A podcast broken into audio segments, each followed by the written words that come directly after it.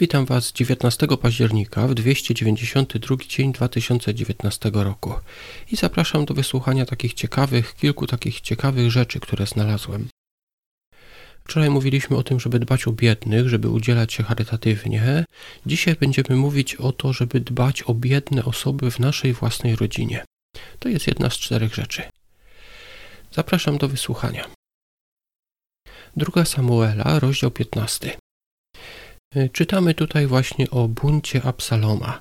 Absalom podstępnie zdobywa przychylność ludzi. E, ludzie przychodzą do króla Dawida na sąd, ale on nie sądzi. Wielu biblistów skłania się ku temu, że być może Dawid w tym momencie był bardzo chory. W wersecie czwartym czytamy. I mówił jeszcze, chodzi o Absaloma, gdyby to mnie ustanowiono sędzią w tym kraju, każdy mógłby przyjść do mnie ze swoją sprawą sądową, każdy mógłby przyjść do mnie ze swoją sprawą sądową, a ja bym dopilnował, żeby został potraktowany sprawiedliwie. Co to znaczy, żebym został ustanowiony sędzią? Krótko mówiąc, żebym został ustanowiony królem, bo król był właśnie najwyższym sędzią w danym kraju. Tak więc tutaj Absalom mówi, że to dobrze, gdyby mnie ustanowiono królem, bo ten tutaj Dawid jest stary, nie dba o was, wy przyszliście tutaj z daleka, waszej sprawy sądowej nie załatwiono. E, później wybucha bunt, czytamy o tym w tym rozdziale. Dawid ucieka i uciekają także kapłani z arką. Dawid jednak nakazuje odnieść tą arkę z powrotem.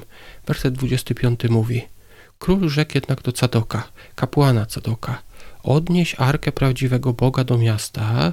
Jeżeli Pan będzie mi przychylny, to sprowadzi mnie z powrotem i pozwoli mi zobaczyć arkę i miejsce, w którym ona będzie.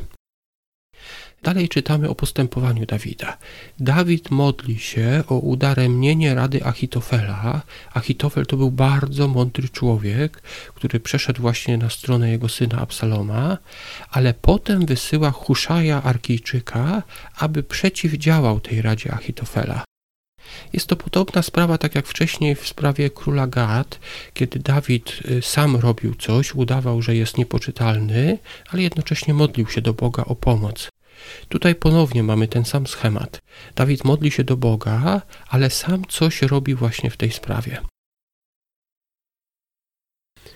Jeremiasza, rozdział 50. Babilon będzie zdobyty, przyjdzie na niego lud z północy. Werset trzeci mówi tak. Bo nadciągnął przeciw niemu naród z północy, z jego ziem robi coś, co budzi grozę. Nikt tam nie mieszka. Ludzie i zwierzęta uciekli, już ich nie ma.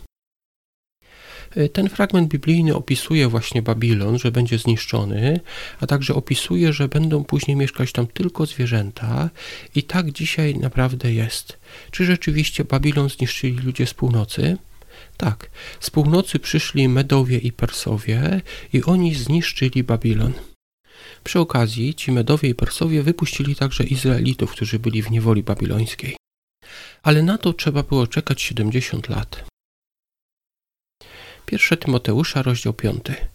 Czytamy tutaj o trosce o wdowy, bo zbór chrześcijański, Kościół, miał się właśnie zajmować takimi wdowami.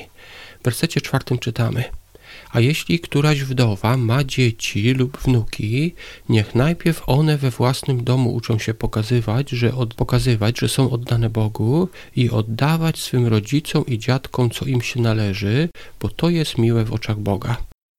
Zauważmy, y, Kościół miał się zajmować wdowami, miał wspierać je na przykład materialnie, ale tylko wdowy, które nie miały swojej rodziny. Jeżeli jakaś wdowa miała swoje dzieci, wdowa, czyli kobieta, która straciła męża, albo wnuki, to właśnie one miały się zająć y, tą kobietą.